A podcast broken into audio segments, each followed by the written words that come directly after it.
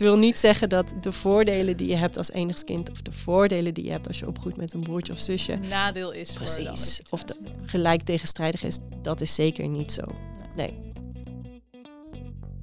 Welkom bij De Opvoedkast. De podcast over alles wat je als ouder van jonge kinderen wil weten. Want tijdens de opvoeding van die kleine loop je tegen van alles aan. En dan is het fijn om af en toe een pedagogische hulplijn te hebben. Hi luisteraars. Normaal zit ik hier natuurlijk met onze pedagoog Laurie. Eh, zij is nu met zwangerschapsverlof en daarom stel ik jullie heel graag voor aan onze andere pedagogisch expert. Jullie hebben haar al eerder kunnen horen in de vorige aflevering. Welkom Janine. Hoi. Hi. Heel fijn dat we dit nu samen doen. Ja, heel leuk. Ik heb er heel veel zin je, in. wil je even iets eh, over jezelf vertellen? Zeker. Eh, nou, mijn naam is Janine Korsens. Ik ben 32 jaar. Ik woon in Utrecht samen met mijn vriend Quint en eh, ons zoontje Pepijn. Hij is eh, anderhalf. En ehm, inmiddels eh, werk ik al ruim 6,5 jaar bij, eh bij Companany. Dus ik, ik ga al eventjes mee in de, in de organisatie. En ik ben ook echt op de vestigingen begonnen als nanny op de groep. Toen ben ik doorgegroeid naar de functie van pedagogisch coach. Waarin ik dus ook onze pedagogisch medewerkers op de groep heb begeleid en gecoacht op onze visie en ook over in kindontwikkeling. En eh, mocht ik ook samen met de pedagogisch medewerkers de rol van opvoedpartner eh, of ja, vormgeven op de vestiging. En eh, nu inmiddels heb ik de overstap gemaakt naar het hoofdkantoor en val ik hier binnen het pedagogiekteam. En op die manier zit ik nu in de podcast. Ja, en vanaf van nu dan inderdaad ook bij de opvoedkast aanwezig. Klopt. Heel fijn dat je er bent als onze expert. En eh, vandaag ga je ons eh, alles vertellen over de voor- en nadelen van het hebben van broertjes of zusjes. Ja. Of juist het zijn van enig kind. Ehm, en de effecten daarvan op de ontwikkeling. En wat je daar als ouder ook eh, mee kunt doen en hoe je daarop in kunt spelen. Heb je zelf broertjes en zusjes? Ja, ik heb een broer. Mijn broer is vijf jaar ouder dan ik. Dus eh, wel een groot leeftijdsverschil. ja. Maar eh, ja, ik, eh, ik kom uit een gezin met meerdere kinderen. En zou je zeggen dat het hebben van een broer van invloed is geweest op jouw ontwikkeling? Dus ja, sowieso. Ik had natuurlijk altijd iemand om, om naar op te kijken. En in ons geval was het leeftijdsverschil best wel groot. Ja. Merkte ik ook wel dat het samenspelen voor ons wat lastiger was als, als kind zijnde. Dus we konden, mijn moeder zei altijd, ja, jullie konden niet met en niet zonder elkaar. Ehm, Ik denk dat dat voor alle broertjes en ja, dat zal hè? ongetwijfeld. Ja, maar ehm, nee, ja, zeker wel eh, een hoop van geleerd ook. En ook, eh, weet je wel, dat de, de, de paden waren al een beetje ingesleden, zeg maar, voordat ik, eh, ik op dat punt kwam. En ik moet wel zeggen dat mijn ouders heel strikt waren. Dus als mijn broer, ik noem maar wat, op stap mocht vanaf zijn zeventiende, dan mocht ik ook pas vanaf mijn zeventiende, terwijl ik misschien al eerder wilde. Dus daar waren ze heel strikt in. Maar ja, ja dat, dat heeft wel effect op hoe je opgroeit als kind. Ja, zeker. Ja. En jij, heb jij broertjes of zusjes? ja, ik heb één jonger zusje, drie jaar jonger. Ja, ik, ik heb het hier ook heel vaak met mijn vriend over, want mijn vriend is enig kind. Oké. En ja, wij, wij ver- vertellen elkaar dan over gewoon onze jeugd. Mhm. En, eh, nou ja, hij is in de volle overtuiging dat mijn zusje en ik vroeger alleen maar ruzie maakten. Oh ja. Maar inderdaad, we konden ook niet zonder, maar eh, niet, niet met elkaar, maar ook niet zonder elkaar. En eh, ja, ik, ik vind het echt heel fijn om een zusje te hebben. Maar met mijn vriend bespreek ik nu ook af en toe wel dat bijvoorbeeld op vakanties, Mhm. eh, ja, mijn zusje en ik hoefden nooit vriendjes te gaan maken, Mhm. want we hadden elkaar als speelmaatje. Ja. We waren nooit gedwongen om, ja, om toenadering te zoeken of contact te maken met anderen. Omdat, ja, we hadden immers elkaar al. Ja. En eh, ja, hij moest dat wel. Als hij met iemand wilde spelen, dan moest hij zelf op iemand afstappen. Ja. En, eh, ja, dat, en die verschillen, die merken we nu al. Ja? al- ja, af en toe nog Hoe merk je dat nu dan? Hij is gewoon, ja, misschien ook wel van nature. Dat is natuurlijk niet helemaal te zeggen in hoeverre dat ehm, persoonlijkheid is of, Mhm. eh, of ja, opvoeding, opgroeien. Eh, maar hij is echt veel meer sociale vlinder, zeg maar. Vindt het veel makkelijker om, eh, Nieuwe contacten te ja, maken om over misschien. koetjes en kalfjes te praten met mensen die je nog helemaal niet kent. En eh, te mingelen, zeg maar. Ja. ja. Ja. grappig hè? Ja, dat is toch wel iets eh, opvallends dan. Ja, absoluut. Ja, en dat, dat is het ook. En eh, nou, daar gaan we het straks ook wat meer over hebben. Van hè, wat levert het je nou ook op, het hebben van een broertje Maar ook wat levert het je op als je wel enigskind bent. Ja, Dus dat, ja dat, er valt eh, overal wat voor te zeggen natuurlijk. Zeker weten. Ja. Ja. Daarin is de mm, relatie die je met een broer of zus hebt echt wel uniek. Vaak is het de meest eh, lange relatie die je hebt in je hele leven. En ook vaak heel hecht. Maar hij kan ook heel wisselvallig zijn. Hè, we zeiden het net al zelf in onze eigen praktijkvoorbeelden. We konden niet met en niet zonder elkaar. Dus het ene moment ben je de beste vrienden en het andere moment zit je elkaar alleen maar in de haren. Dus die relatie van broer en zus is echt wel een bijzondere soort ehm, relatie. En Ja. wat daar ook nog eens ehm, aan bijdraagt, is dat je als kind zijnde daar ook geen invloed op hebt. Jij kiest Jij- niet. Nee. Nee, je ouders kiezen. Wij willen graag meerdere kinderen of wij kiezen ervoor Jij om één bepaalt kind. niet of je een broertje of een zusje krijgt. Nee, en ehm, ja, dat is echt de keus van je ouders waar je het maar mee moet doen. En ja, dat klinkt misschien een beetje negatief. Eh, en uiteindelijk pakt het altijd eh, op een bepaalde manier natuurlijk wel uit. Eh, maar het is niet je eigen keus. Ja. Ja. Hey, we bespreken dit ook naar aanleiding van een luisteraarsvraag die we binnen Mhm. hebben gekregen ehm, van Marijke. Ja, ik wil van alles horen over wat er nu beter is. Enigskind of opgroeien in een groot gezin. Eh, misschien kunnen we daar ook wel helemaal niks over zeggen. Maar ik denk dat we wel in ieder geval iets kunnen zeggen over eh, hoe je als ouder nou je kind ondersteunt in welke situatie dan ook. Ja. En dat is ook waar haar vraag over gaat. Eh, dus laten we even luisteren. Hey, goedemorgen. Hier Marijke, moeder van Ilva, die in september alweer drie jaar wordt. Ehm, ik vroeg me dus iets af. Zijn er dingen waar je rekening mee moet houden als je maar één kind hebt?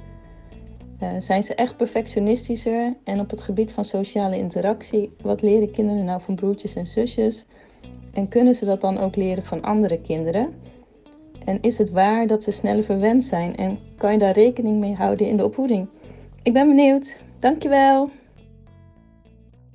Ja, op Ja. welke manieren kun je daar rekening mee houden? Klopt het eigenlijk, inderdaad, Ja. die vooroordelen die er zijn? Ja, een hele, een hele leuke vraag en interessante vraag ook. eh, omdat er echt wel meer achter schuil gaat. En ehm, nou, voordat ik echt ook antwoord kan geven op haar laatste eh, stuk van de vraag van hè, wat kun je nou als ouder doen, ehm, wil ik eigenlijk eerst de voordelen eh, van beide kanten naast elkaar neerzetten. Dus wat zijn nou de voordelen van het hebben van een broertje of zusje, maar ook wat zijn de voordelen van het hebben van een enigskind en hoe kunnen we later daar dan ook van leren. Dus wat kun je vanuit beide gezinssituaties gebruiken eh, in je opvoeding? Laten we beginnen met de voordelen van het hebben van een broertje of zusje. Hè. Je benoemde het net al, als je een broertje of zusje hebt, je hebt altijd iemand om mee te spelen. Er is altijd iemand om je heen.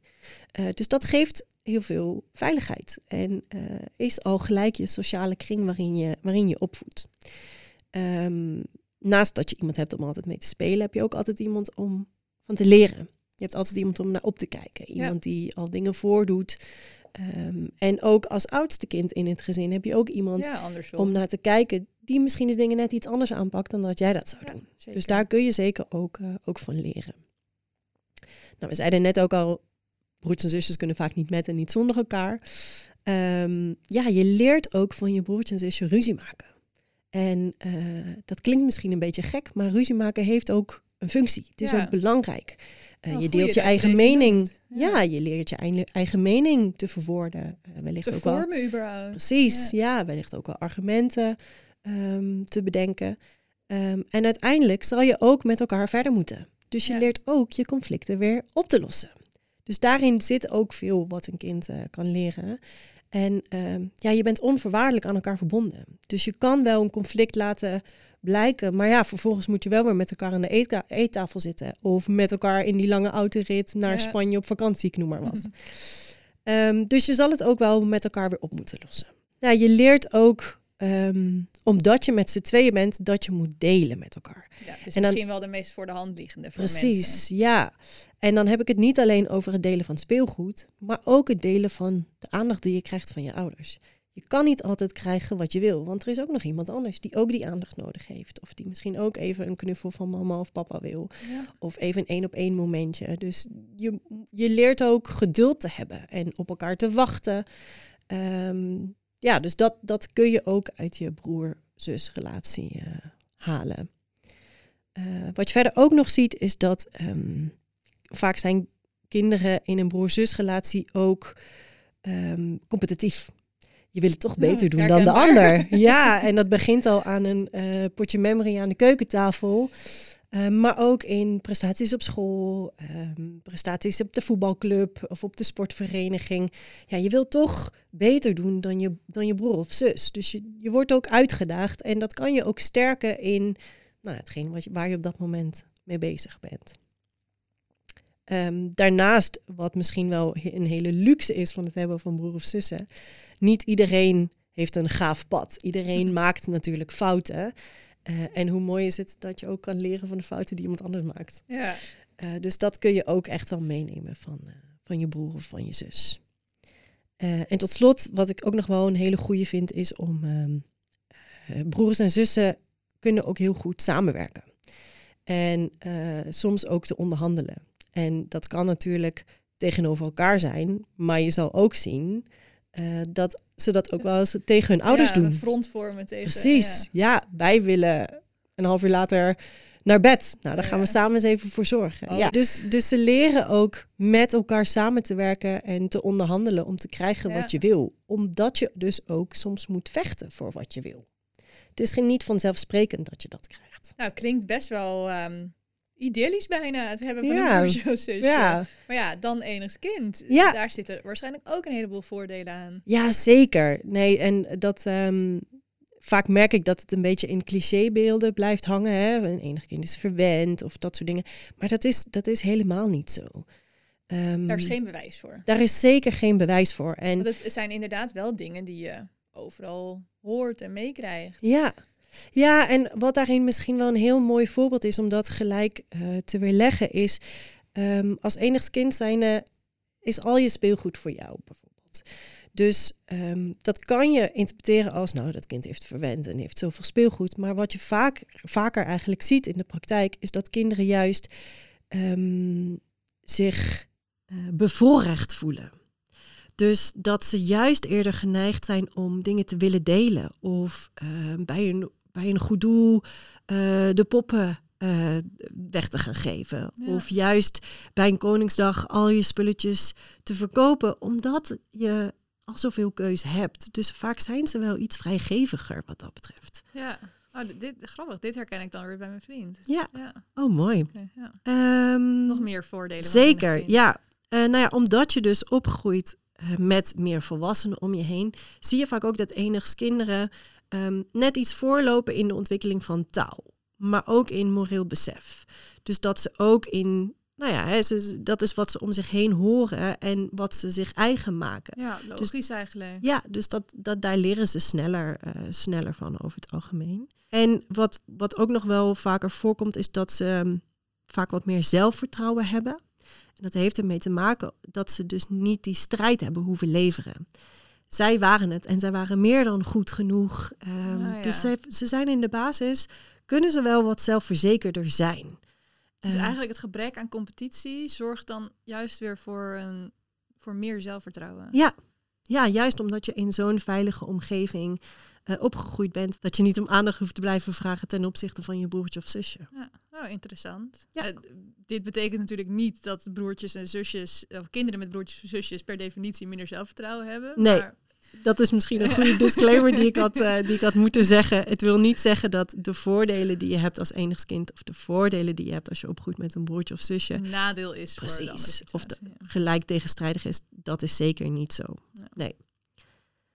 Ehm, ik hoorde het net Marijke ook al zeggen. Hè, eh, enigskinderen zijn vaak wat perfectionistischer. Of dat wordt, dat wordt gezegd.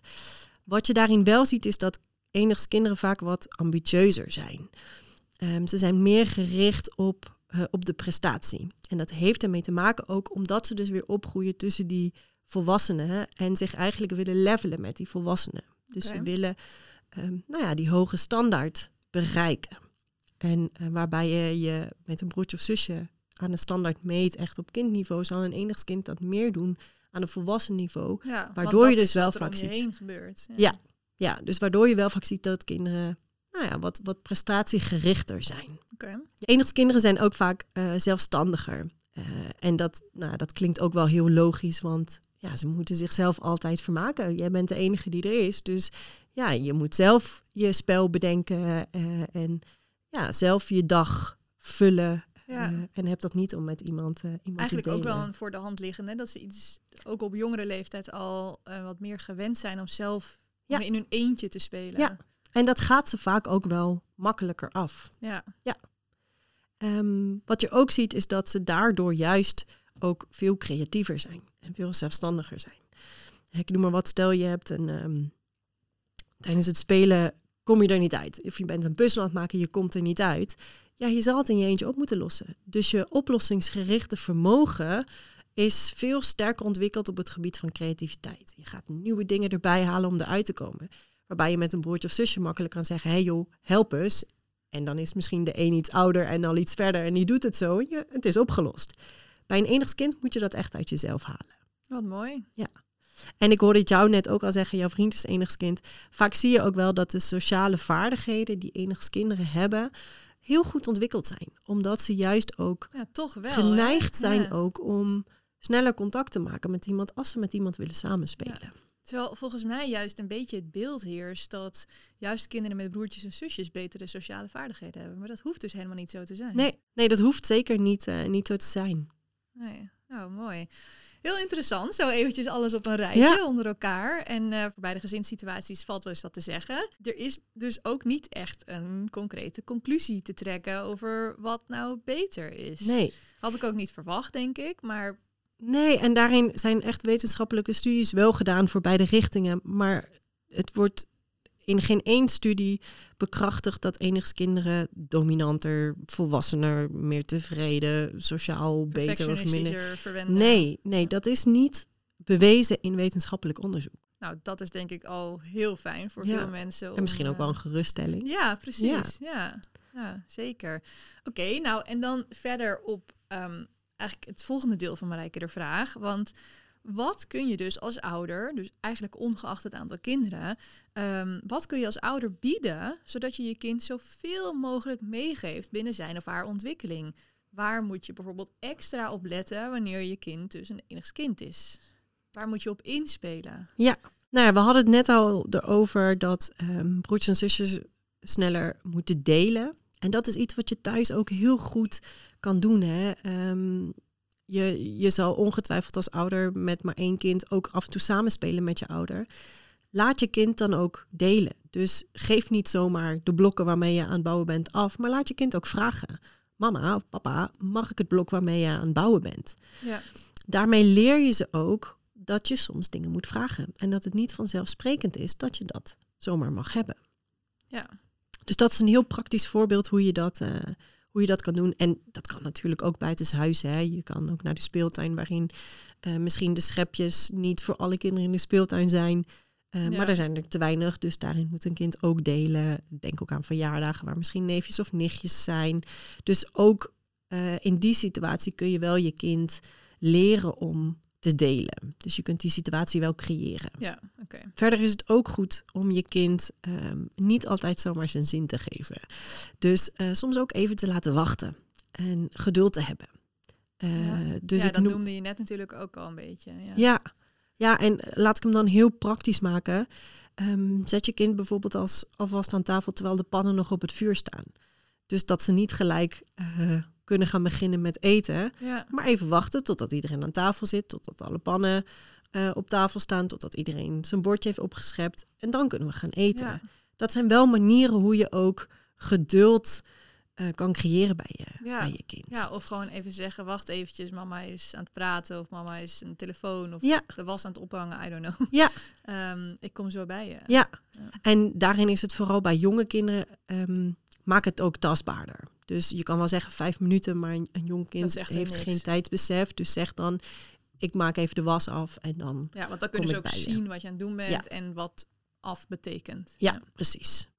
Oké. Nou, wat je van je broertje of zusje ook nog wel eens kan, kan leren, is, is het omgaan met teleurstellingen. Ik zei het al, je kan niet altijd je zin krijgen. Mhm. Nou, dat is ook iets wat je als ouder met je kind wel kan oefenen. Ehm, je kind hoeft bijvoorbeeld bij een spelletje niet altijd de winnaar te zijn. Je kind mag best wel eens een keer verliezen. Dat Ja. hoort ook een beetje bij het leven. Dus waarom Ja. zou je je kind daar niet ook al op voorbereiden? En moet wil ook niet zeggen dat jij maar altijd moet winnen. dus geen vrijbrief. Maar je kan wel daarin je kind ook laten zien dat ja, je niet altijd de beste of de winnaar kan zijn. Nee. En daarin is het ook heel belangrijk dat je het voorbeeld bent als ouder. Dus ook als je zelf een teleurstelling doormaakt, deel het maar met je kind. Mama is nu even verdrietig, want het ging anders op werk vandaag dan dat ik had gehoopt. Ja. Ik noem maar wat. En ik denk dat het daarbij dan ook heel belangrijk is om ook duidelijk aan je kind te laten zien hoe jij daar dan eh, mee omgaat. Hè? Ja. Als, als persoon zeg maar. Ja. Van oké, nou, ik ben nu heel verdrietig. eh, dat komt daar en daardoor. En dit doe ik om me weer beter te voelen. Ja, Ja, en ook laten zien dat het daarna ook wel weer beter precies, is. Ja. Ja. Oké, nog meer tips. Eh, zeker. Ehm, het is ook goed om je kind wat dat betreft ehm, wat vrijheid te geven. Dus ook zelf de keuzes te laten maken. Hè. Vaak ben je als ouder toch snel geneigd. We gaan nu daarin en daarin en daarin. En ik heb alles, alles vastgelegd. Maar geef je kind ook eens de keuze. Gaan we links of rechts omlopen Mhm. vandaag bijvoorbeeld? Of, Zo ehm, klein kan het zijn, hè? Zo Ja. klein kan het zijn, ja. En daarin leert een kind namelijk ook zijn eigen mening te vormen, eh, zijn eigen voorkeuren en interesses eh, te ontdekken en die ook te uiten. Dus creëer die omgeving ook, zodat een kind dat ook eh, kan doen. Ik vertelde net ook ehm, dat broertjes en zusjes eh, ook leren van elkaar om ruzie te maken en discussies eh, aan te gaan.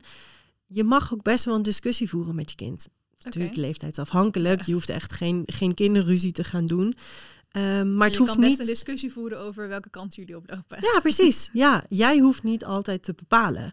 Je kind mag daarin ook een eigen mening vormen. En dat en voor ook. zichzelf opkomen. Ja. Ja. ja, de laatste. En ehm, we benoemen het net al. Hè, kinderen worden soms in hokjes geplaatst. En misschien is dat nog wel meer bij, bij enigst kinderen. Ja. Maar probeer dat ook voor te zijn. Of probeer dat ook weg te nemen. Want op het moment dat je kind steeds bestempeld wordt als een verwend kind, omdat het enigst kind is, zal, ze, zal het kind zich ook zo gaan gedragen. Hetgeen wat ze wordt verteld, leven ze ook na. Dus Ja, Zo'n self-fulfilling prophecy. Precies, ja. Dus als ouder kun je daar ook tegenover zeggen. ehm ze heeft een hele blokkendoos, maar ze heeft ook de helft gedeeld met haar buurjongetje bijvoorbeeld. Dus probeer ook een kind uit die rol te halen door ook de andere kwaliteiten van je kind te benoemen. Dus zowel naar anderen toe als naar je kind of in het bijzijn van je kind. Ja, dus eh, pas ook op met eh, je bent zo'n verwend kind. Ja, dat, Ja, dat zijn dat wel dingen dingen. moet je dus eigenlijk niet zeggen als Nee. ouder. Nee. nee, een kind is echt zichzelf. En op het moment dat je dat ook ehm, wegblijft van dat soort oordelen, kan een kind zich ook ontwikkelen zoals zichzelf. Ja, anders duw je hem eigenlijk onbewust al in dat hokje. Ja. Oké, interessant. Hopelijk heb je hier wat aan, Marijke. En als er toch nog meer vragen naar boven komen, eh, mail ons dan gerust. Hebben andere luisteraars ook nog vragen? eh, of heeft een van de vorige afleveringen vragen bij je opgeroepen? Laat het ons weten via podcast.companany.nl. Heb jij nog een laatste opmerking ter afsluiting, eh, Janine? Zeker, misschien samenvattend over alles wat ik net verteld heb. Het gaat dus niet zozeer om de gezinsgrootte waarin een kind opgroeit, maar het gaat om eh, de omgeving waarin het opgroeit. Dat er genoeg aandacht is, genoeg liefde, genoeg warmte en interactie eh, die ze ervaren. Dat is hetgeen wat het verschil maakt. Nou, dat vind ik een hele mooie afsluiting. Knoop het in je oren. En ehm, mochten jullie vragen hebben, dan eh, horen we het graag. Ja. Tot de volgende keer. Tot de volgende keer.